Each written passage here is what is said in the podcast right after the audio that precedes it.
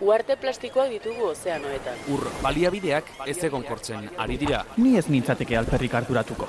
Fenomeno aislatuak dira. Bizioiturak eta herri egiturak aipatu izan dizkidate, zerikusirik balute bezala. Erleak kontserbatzeaz ere hitz egin didate. Baita ariztiak zaintziaz edo ezeguneak babesteaz ere. Eta ni, Nork babesten hauni. Mikroplastikoak elikadura katean sartu zaizkigu. Ez zer ez da perfektua. Bioanistasuna galtzeak atzera bueltarik gabeko ondorioak izan ditzake. Lasaitu zaitez, ez da inbesterako izango. energia erabilerari eta garraioari loturiko isuriak izugarriak dira. Ez du nik erabaki horrela izaterik. Aro geologiko bat markatzeko adinako eragina izan dugu. Evoluzioaren aztarna, arro, egoteko modukoa benetan. Baliabideen erauzketak arrakala sozialak handitu ditu. Zer diozu? Nik ez dut alakorik egin. Eragindako inpaktuak direla eta muturreko fenomenoak ugaritu dira. Nire inguruan ez dut hori sumatu. Euri azidoa bertan da. Bizitzak aurrera, darrai. Bai? Ziur, Gelditu makinak. Gelditu makinak.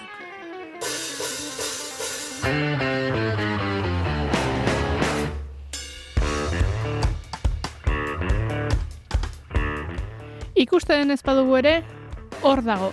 Izan zitekeen eskutateketetan jokatzen ari den batek kontuan hartzeko esaldia, baina ez. Edo bai.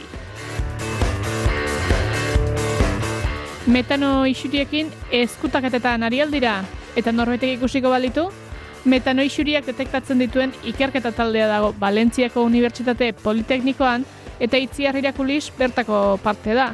Berarekin bilduko gara, ez ikusi, ez usaindu egin daitekeen gas honen detekzioa nola egiten duten ezagutzeko.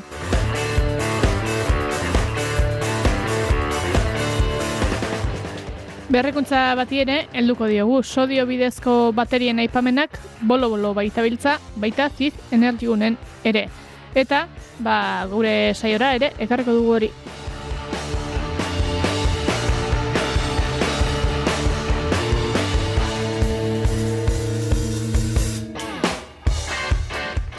Behin lurrean dauden elementuei begira hasita ate joka azaldu zaigu Aitor Pairos erregistro geologikoaz hitz egitera.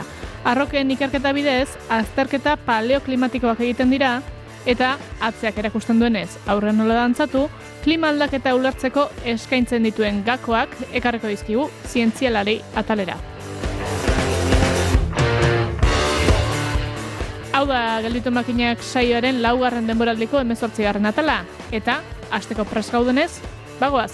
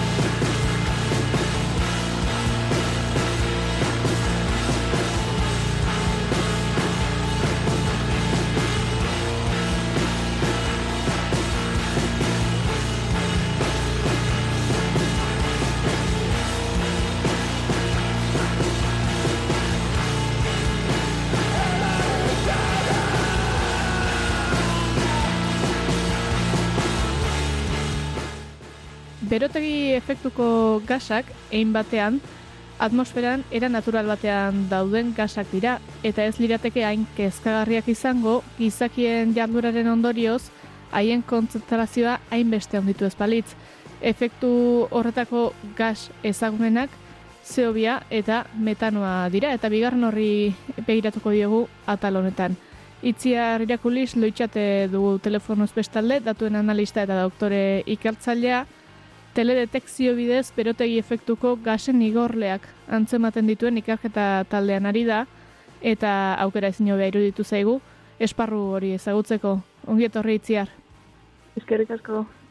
Tira, ipatu dugun bezala, metano isuriak aurkitzen dituzu edo ala, e, lan horretan zabiltzate, hala ere, oinarrira joango gara lehenik eta behin, zergatik dira metano isuriak hain kezkagarriak edo zergatik da metanoa hain kutsagarria? Bai, ba, bueno, eso, ondo esan duzun moduen, e, metanoa berategi efektuko gaz data, e, berez, kontzentrazio kopuran aldetik, zehoia baino askoz berizia da, atmosferan, baina bere, berotegi, e, bero, beroketa e, indarra esango dugu, zehoia baino larogeita bi bat aldiz handiagoa da, e, e, hogei urteko epean. Hau da, hogei urtetan, e, zeobia baino laro aldiz gehiago e, berotzen da e, lur planeta.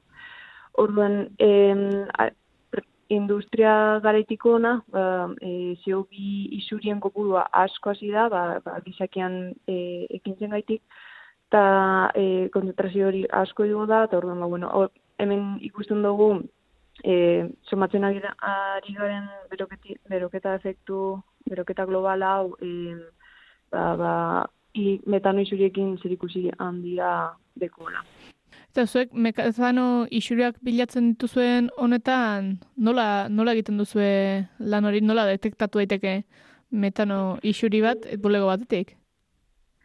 Ba, bueno, e, gu beraz, e, satelite irudietan e, e, lan egiten dugu, satelite irudietan lan egiten dugu, e, teledetekzioan gara, e, bueno, oinarritzen da gure ikerketa, eta e, berez, metanoa gizakiantzako ikustezina eta e, usantezina da, ezin dugu e, e, somatu.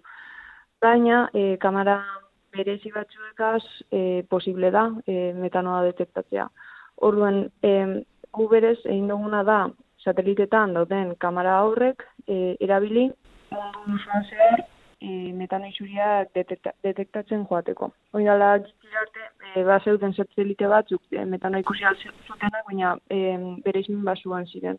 Hau da, e, da izango dugu mundu osoan zehar gutxi gara bera non dauden konzentrazio handienak esan alzabien, baina ezin zuten esan ezak, e, justo nondik etortzen ziren metana isuri horrek. Hau da, e, latitud eta longitude konkretu batzutan. Esan alzabien, badibidez, imaginatu, ba, bizkaian, ba, gipuzkoan baino metano gehiago dauela, baina ezin zabien esan zin mm. e, e, instalazio konkretua metano hori isortzen ari dena. Orduan guki duguna da, e, hartu berizmen altuko sateliteak, e, kamara, berizmen altuko kamarak dituzten sateliteak, eta e, ba, ba, metanoa detektatzeko gai diren probatu, eta gero badatu horrek esplotatu. Eta, bueno, holan, holan e, detektatzen dugu hmm. zuriak, Eta detektatze hori e, irudi bat egiteagatik behintzat, zer da, termodetektoreak bezala, edo ikusi dugu bideo batzuetan, e, aldako, bueno, urlinerantz doa zen e, mantxa batzuk bezala ikusten direla, nola lortzen da, satelite horiek nola lortzen dute metanoa bere iztea? Ba, em, zango, eguzki espektroa osoan zehar, eguzkiak e, energia behaltzen dago, ez da, ez bakarrik espektro ikuskorrean, dala gizaki ikus, e, sensible garen bueno, ikusi aldogun zatia, bebai, ba, beste, e, espektroaren beste e, e, leku batzutan ere.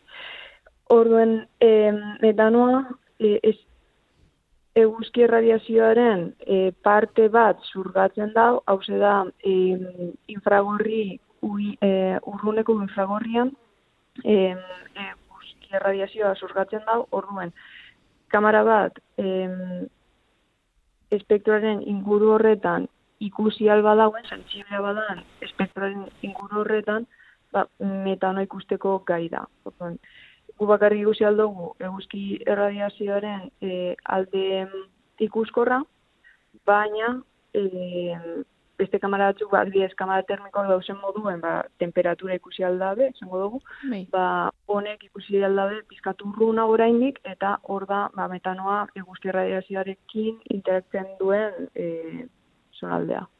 E, ulertzen da. Bai, bai, bai.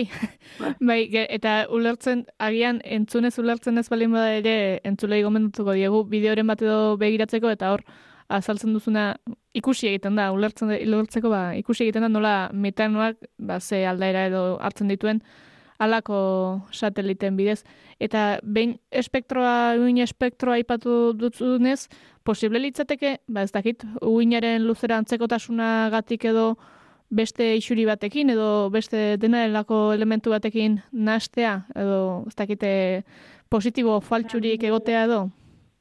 Positibo faltsuak badauz, baina normalean nahiko agirikoa da em, ez dela metano isuri bat. Hau da, badauz beste material batzuk, em, espektroaren inguru horretan bai, e, ba, ba, zurgatu iten da bela, e, eguzki erradiazioa, horren, hor, em, esan du, seinalea be bai, eltzen jakula, gure em, irudietan, eta metano irudietan, baina em, e, beraien forma eta izaera berez aldi berean desberdina da. Orduen, e, bebai badeko teknika batzuk ziurtatzeko lortzen dugun e, metano mapa horrek e, e, ba, zeintzu diezen metano mapa horretan dauzen seinaleak zeintzu diezen benetan e, metano isuriak eta zeintzu diezen fal, e, positibo faltsuak Bueno, ba, kontu pizka bategaz, e, irudiak ondo begiratzen, ziurtatzen e, logikoa dala edo ez, e, ikusten ari garena, e, ba, ba, azkenean argitu aldogu benetan zein den metano isuria eta zein den e, positibo faltsu bat. Bebai, hor, aklarateko, badauz, sateliten arabera, badauz batzuk e, kamera hobeagoak eta kamera e, ba, bueno, eskaxagoa dekiesenak. Orduan, e, batzutan egiten duguna, dudatan bagauzen, ba, erabili danak, nez eta kamera hobeagoak ekiezen satelitea, ba, ba, irudi horrek lortzea zailagoa dan, baina dudatan bagauz, ba, ba, saiatzen gara e, kontrastatzen, teknologia bat beste bategaz, e, moten da bene maitza, orduan, ba, bueno, kontraste horretan ja argitzen dugu, e, benetan e, detektatzen gauzena metanoa dan, edo, edo beste gauza bat. Bueno, behintzat, eh, errore margena nahiko zehaztuta txikituta daukazuela esango dugun nolabait. E, gutxi gora bera, behin metano isuriak eta badaudela bai, eta puntu zehatza aurkitzea, ba, hainbeste garatu zuen honetan, gutxi gora bera, nondik isurtzen dira metano hauek, edo, edo nondi datoz?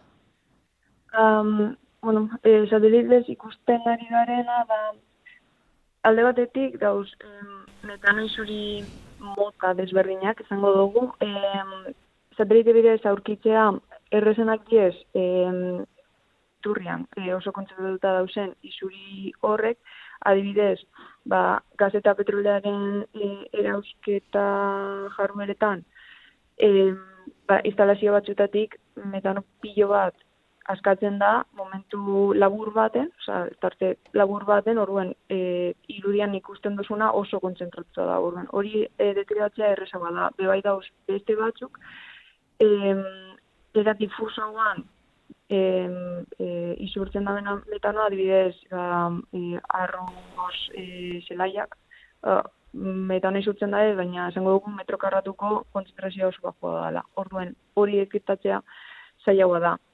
E, alan da guztiz be, ikus, satelite bidez gutxi gora bere ikusi alda danetarik, baina e, gu bereizmen altuan o beren ikusten duguna diez horrek e, altu, konzentrazio altua dekiezenak eta horren e, jatorri nagusiak diez. Alde batetik e, gaz eta petrolearen erausketa e, zonaldeak, e, zelaiak eta ikatz mehatzeak eta zabortegiak. Hmm. Ho- Horrek izan zen ba, hiru jatorri nagusienak eta eta horretanak, oza, mundu mailan e, da, benetan metano kopuru oso altu agotatzen da, ez? Oso, oso pentsa baino altu bat ikerketa baino hori. Eta metano kopuru hori, altu horien isuriak zer izaten dira? Arazo baten ondorio edo ba, industria horiek edo sektore horiek ala funtzionatzen dutelako? Mm, bai, bueno, esango, gaz eta petrolea eta ikatzminen aldetik, bai, ba, sektorea holan funtzionatzen dau, soritzarrez, baina e, kasu gehienetan edo ez dakien hori gertatzen ari dela, edo berez ezabien hori egin beharko, baina, bueno, indala gitzi arte, ba, ezin zanen detektatu, edo inor zanen berez zehazki esan zer gertatzen da izan, ba, ba, iten zabien eta listu. E, ba, hemen ez da ez pasau, baina, bueno, baina, ba, ba, datu honek, isuriak e, ikustarazten edo agerrarazten dabiz, e, eta hori konpondu behar da. Orden, bada e, sektorearen arazo bat berez, baina esan kertatu beharko. Eta zabortegien aldetik bada, bada arazo bat, e, e, e, gertatez behar esan arazo bat, eta da, ba, beraien kudeak eta arazoen gaitik gehien bat. Aipatu duzulako eta, bueno, e, isurien erantzuletako batzuk petroleo enpresak dira aipatuta, begira ibili gara eta zuek detektatu zuen isuri garrantzitsuenetako bat edo handienetakoen artean dago Mexikoko golkoko petroleo plataformarena, ala zabaldu zen e, esaterako. E, zer egiten da alakoetan, alegia dektatatzen duzue isuri masibo bat kasu honetan, eta eta zer ondoren zer geltatzen da? Ba, kasu honetan, hori, bueno, hori aurkitu gendunean, e, ni ikerlarian nintzen, e, e, Balentxako Unibertsitate Politeknikoan, orduan ba, ingen du nahi zen zan, lehenko e, artikulo zientifiko baten hause ikustazi, e, akara, Be bai, bueno, ikerketa aldetik zan zer nahiko berria, e, e, lortu alizetea satelite bidez, e, itxasotan dauden, itxasoan dauden plataformen isuriak ikusi alizeteko, izatea, harina ezin zan. E, Orden, atara genduen artikulo zientifiko baten, baina honen garrantzia dela eta ba, egon ziren e, kasetari batzuk on, ba, ba, interesatu zirenak e, ba, ikerketa honen emaitzetaz.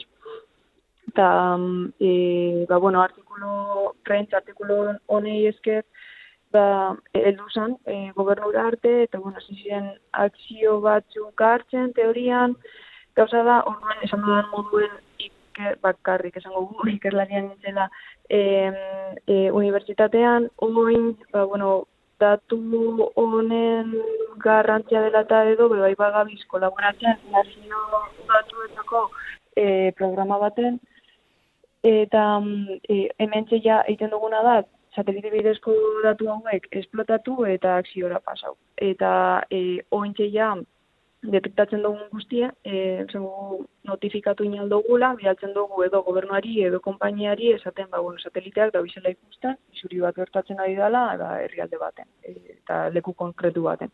Eta orduan ba, e, notifikazio horretan eskatzen dugu bai, e, erantzun bat, esat, azaltzea iaso zerringo da dabe e, horren inguruen, eta bueno, saiatu ba, izten edo gelditzen. Duen badauz kasuak kasu batzuk ondo doa zela, beste batzuk esain beste, e, danetarik. Baina, bueno, e, esango du bai gau Mexikoko golfuko kasua izan zela hola e, garrantzitzu eta olako programak e, aurrera tantzeko ba, ba, arrazoi bateko, ba, batetako bat. Hmm. Aipatu duzu, e, alako isurien berri izatean, e, gobernuari ere eman izan diozuela partea, eta gobernu guztietan, ez dakita ala izango den, edo herrialde guztietan neurria kartzera derrigortuta daude, badago legerik ala eskatzen duenik, edo interesaren araberakoa izaten da? E, normalan interesaren araberakoa, eta herrialde batetik bestera asko aldatzen da.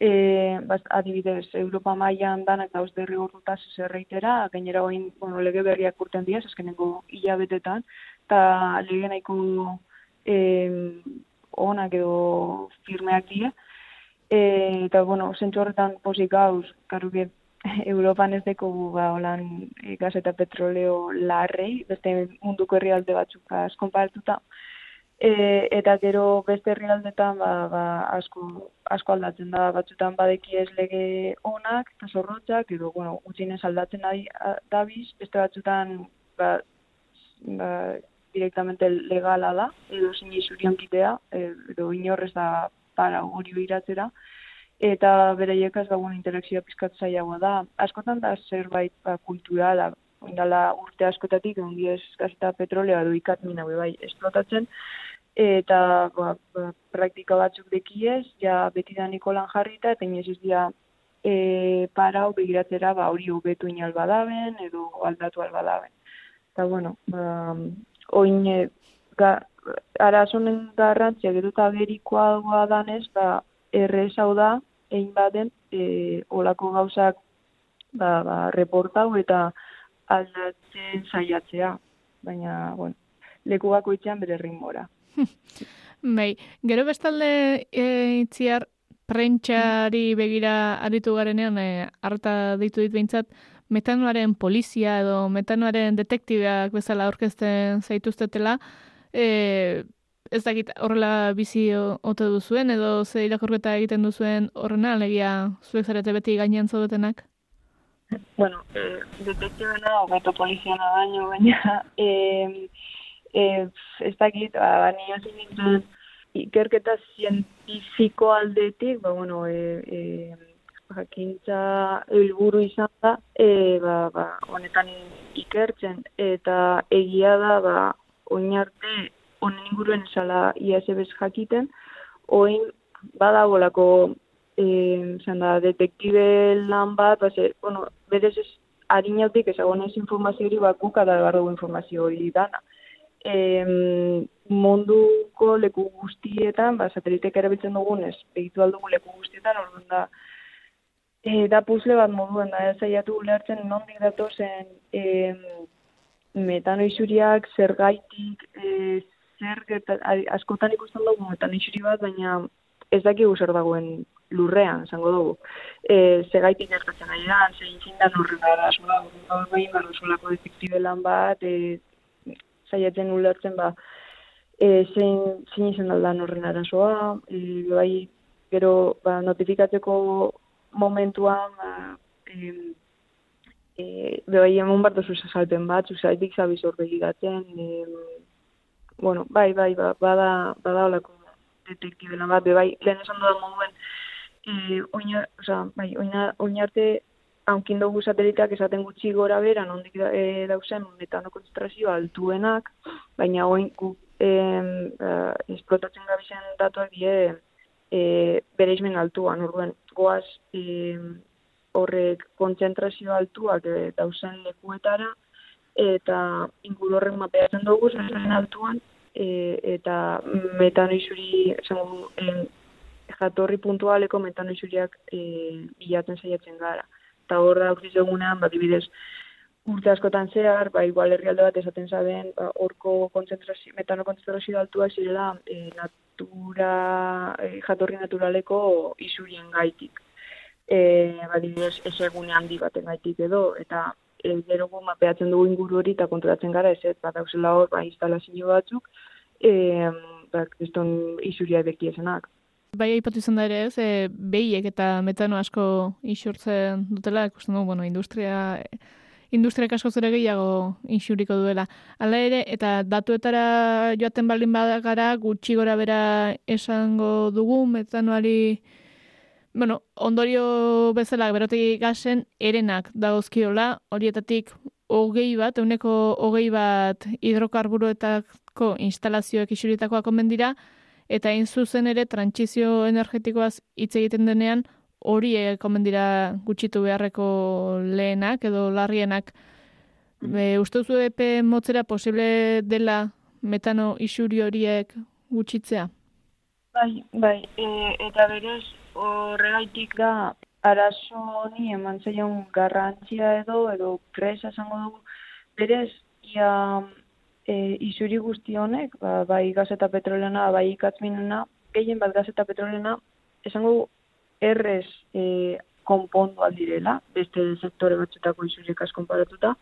E, askotan, nada, instalazio bat konpontzea, edo ba, adibidez, ba, isuria badatu zen, e, gaziodukto batetik, ba, ba, horre zulo bat dauelako, edo zerre estropeau dalako, ba, konpondu baino ez, ez da behin behar, gainera sektore bat, ba, bueno, diru mobitzen da bena, ez die, e, diru faltagatik ez, ez, e, ez da izango, justo.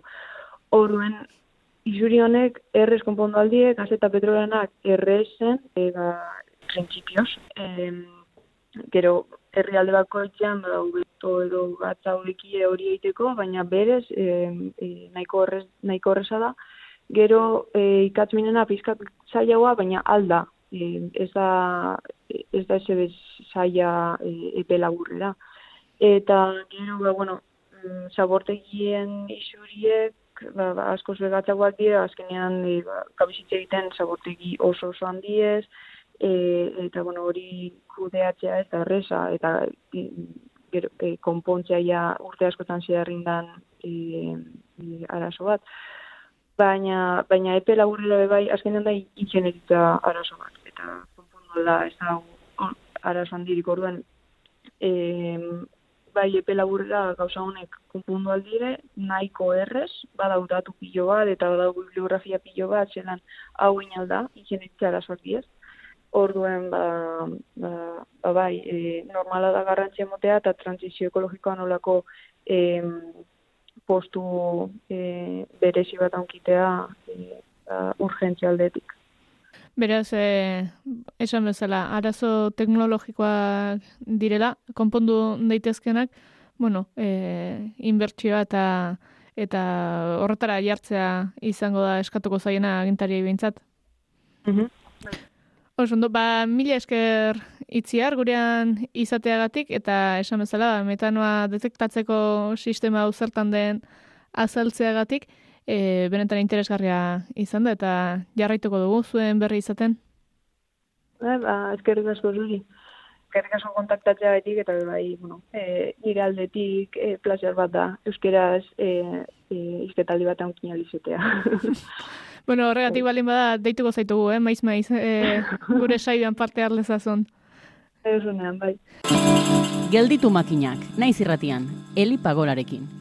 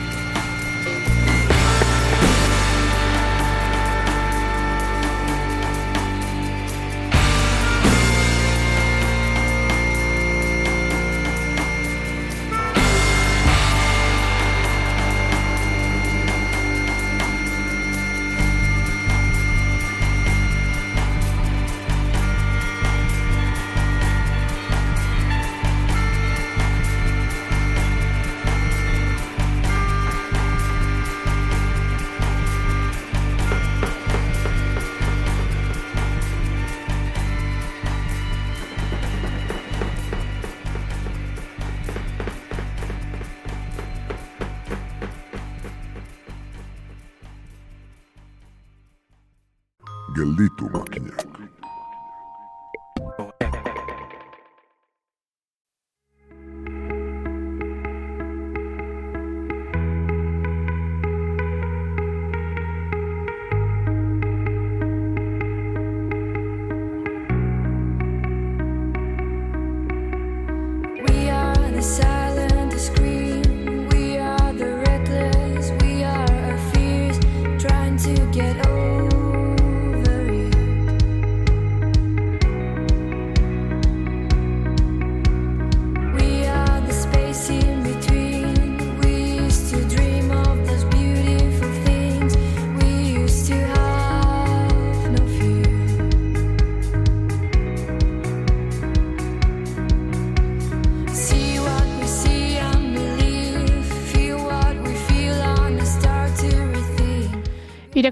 Irakulisek zuzenean ala zeharka aipatu du mehatzegintza eta guk ere lotura izan dezakeen gai bati helduko diogu, ez zentzu horretan, baina lehen ere aipatu dugunez, ba sodiozko bateria helduko diogu. Izan ere, baterien gero eta merkatu eta eskari handiagoa dago, eta 2000 eta hogeita lauan sodiozko baterien urtea izango omen da. Era berean, mehatzaritza da egungo sektore txikitzaileetakoa, beraz, ba, begiratu bat emateko aprobetxatuko dugu tartea.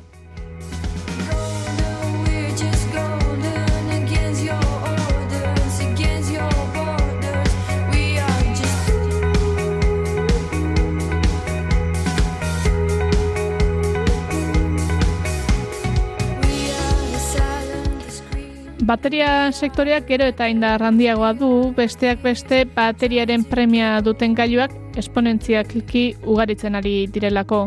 Bateria tradizionalak ioi litiozkoak direla esan dezakegu, baina baude gehiago ere, gaurkoan begia esan bezala sodiozko baterietan jarriko dugu, erabilera osagarri gisa etorkizun oparioa, oparoa ikusten diotelako eh, sektoreko adituek.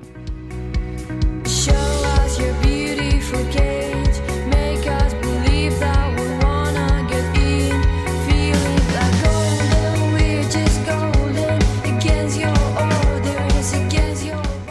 Energy gune ikerketa zentroko adituen arabera hainbat abantaila eskaintzen ditu sodiozko teknologia honek, zenbait aplikazioetarako dentsitate energetiko optimoa dauka, segurtasuna, lehengaien ugaritasuna eta aurroz aipatutako horien ondorioz baita kostua eta jasangarritasuna ere aipatuko dugu sodioa metal alkalinoetan seigarren ugariena dela lurrazalean.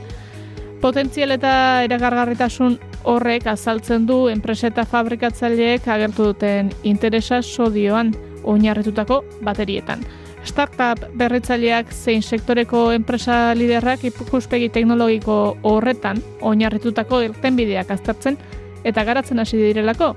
Eta era berean, gero eta ziurragoa da litiozko baterien eskaria osatzeko alternatiba fidagarriak eta iraunkorrak beharko direla. Ondorioz, esan bezala, litekeena da 2000 eta hogeita lauan sodio bateriek merkatu globalean arreta bere ganatzea.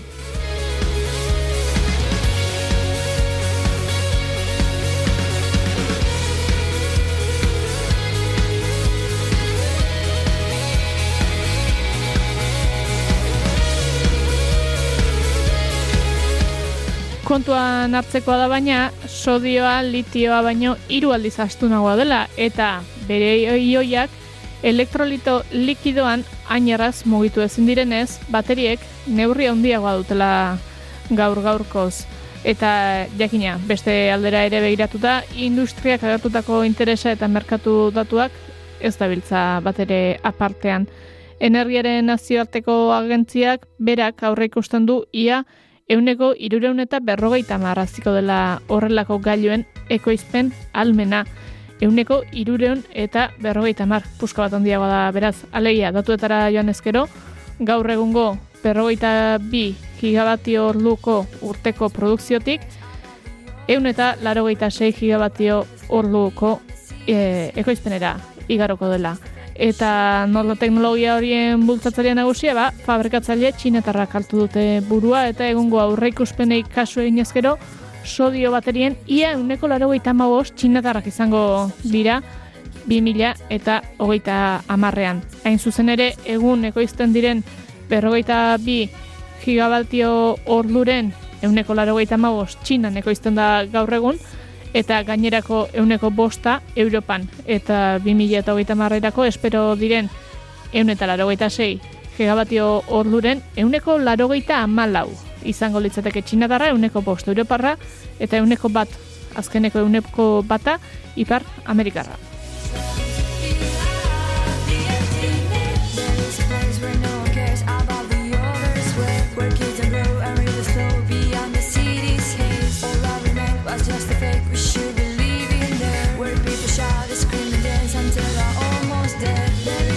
Where no one cares about the Eragin ekonomikoari ere erreparatu diote adituek eta edestasunik ez badago ere, bada urteko azkunde tasei esker, teknologia horren merkatu balioa mila milioi eurotik gora kuantifikatzen duenik. Hala ere, ez gaitezen espekulazioetan eroriko izegi baita teknologia honen etorkizuneko horrekuspen fidagarriak egiteko ikusteko dago 2008 marrera bidean nolako bilakaera eta garapena eskainiko zaion. Hala ere, lehen esan dugun bezala, baterien eskaria izugarri ari da handitzen, eta negozio ikuspegitik begiratuta gako izan daiteke alternatiba jasangarritzat aurkezten den alternatiba.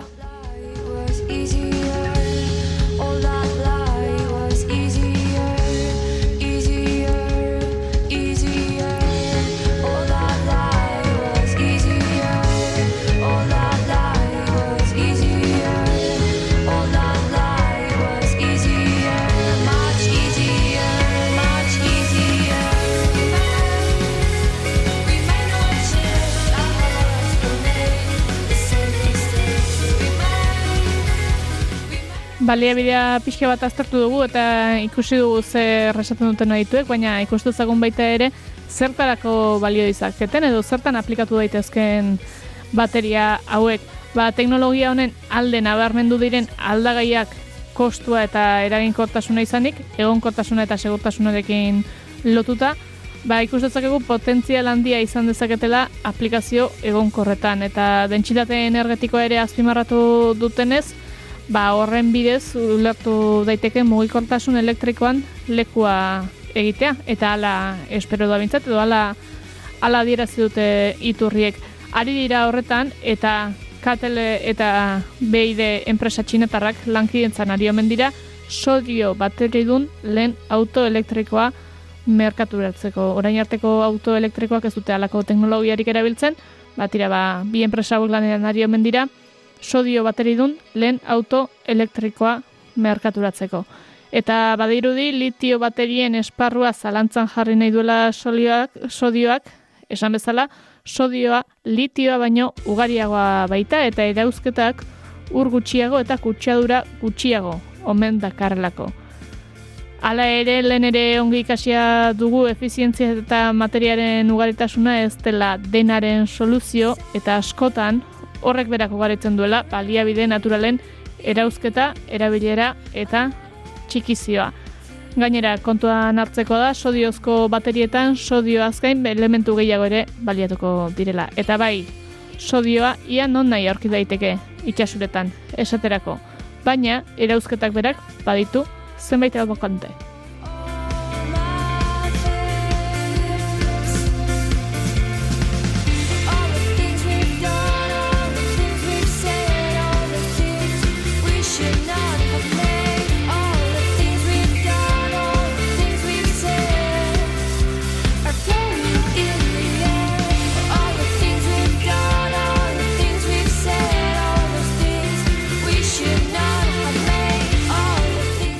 Bueno, ba, esan dakoak esan da, gu titular horrexekin geratuko gara, eh? E, badiru diela, 2000 eta hogeita lauan, sodiozko bateriak nabarmenduko direla, eta interesgarria izan daitekela horiek hartuko duten bidea, eta horiei eskainiko zaien garapena aztertzea. Hala ere, gaur gaurkoari begira jarraituko dugu, kasu honetan, atzera xiago ere egingo dugu.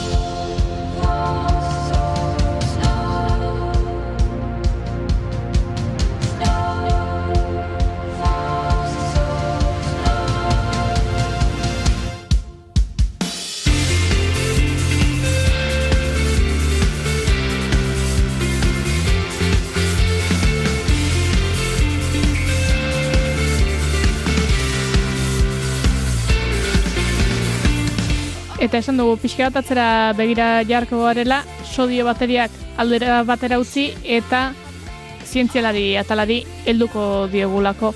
Aitor Pairos dugu izlari eta paleoklimatologiak eta arroken analisiak klima aldaketaren ikerketan eskaintzen dituzten aukerei buruzko xietasunak ezagutuko ditugu bere eskutik. Entzun dezagun bada.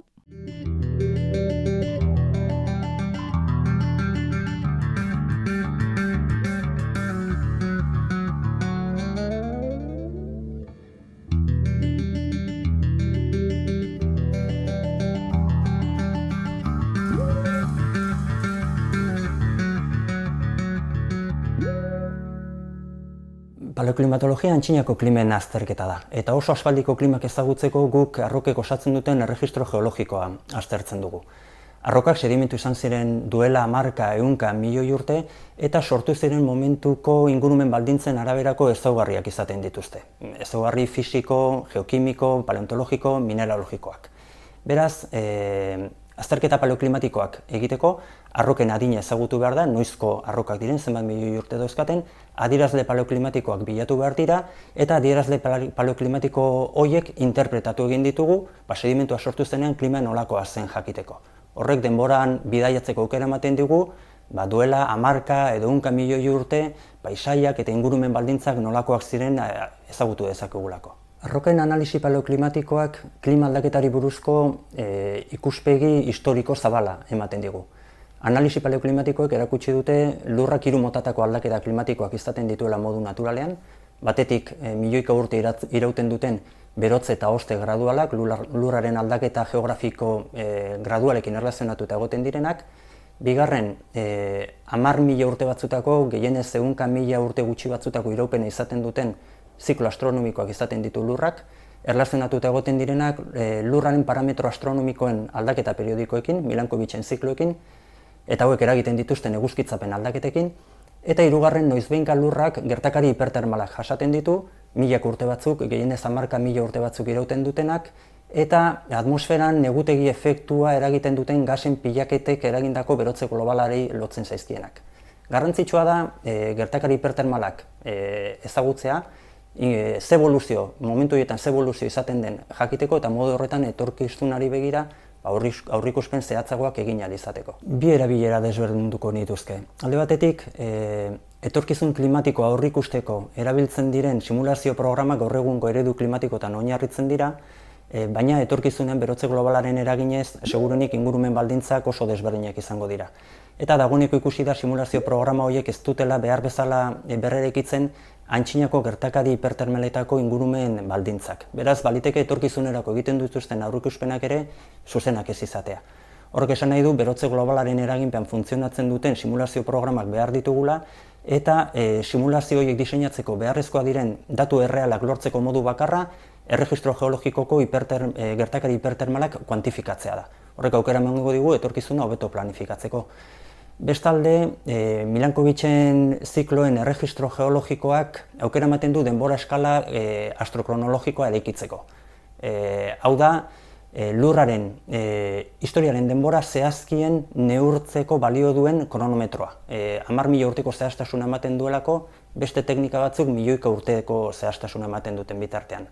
Eta geologian Oso garrantzitsua da denbora alik eta zehatzen neurtzea esate baterako arroketan gordeta dauden baliabide naturalak e, bilatzeko. Obi mineralak, elementu estrategikoak, hidrokarburoak, material hauek denok erabiltzen ditugu eguneroko bizitzan, beraz zenbat eta bilaketa eta ustiapen eraginkorragoak izan, ba, denon poltsikoaren mesederako. Nazioarteko bi erakundek sustatutako erronkak nabarmenduko nituzke. Alde batetik, IPCC edo klima aldaketari buruzko nazioarteko batzordarentzat garrantzitsua da gertakari hipertermali buruzko alik eta datu base zabalena e, osatzea, ba, nolabait ikusteko berotze globalanen ondorioz lurrak jasaten dituen eraginak beti berdinak diren edo desberdinak e, izan daitezken ba, hainbat faktoreren arabera. Bigarren, e, geologia zientzien nazioarteko batzordearen lehentasunetako bat da denbora eskala astrokronologikoa osatzea.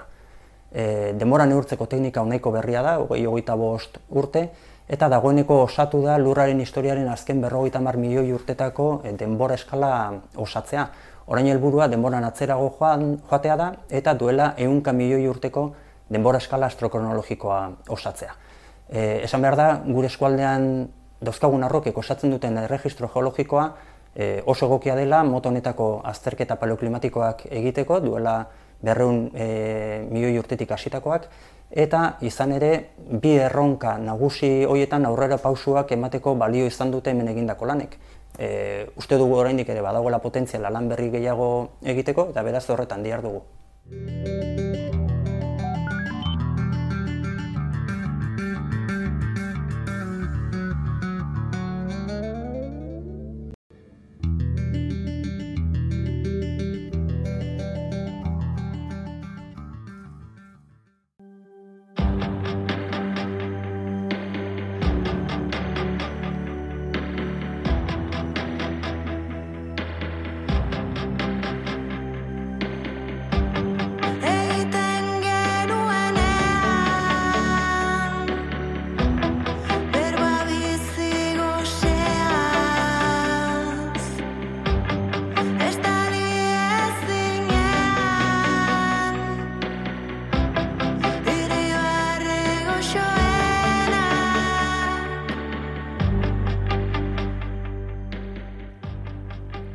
Horrelaxe entzule kontu bat eta bestea heldu gara saioaren ondarrera, beraz, hementxe utziko dugu. Datorren astero arte eta eta ongi ibili.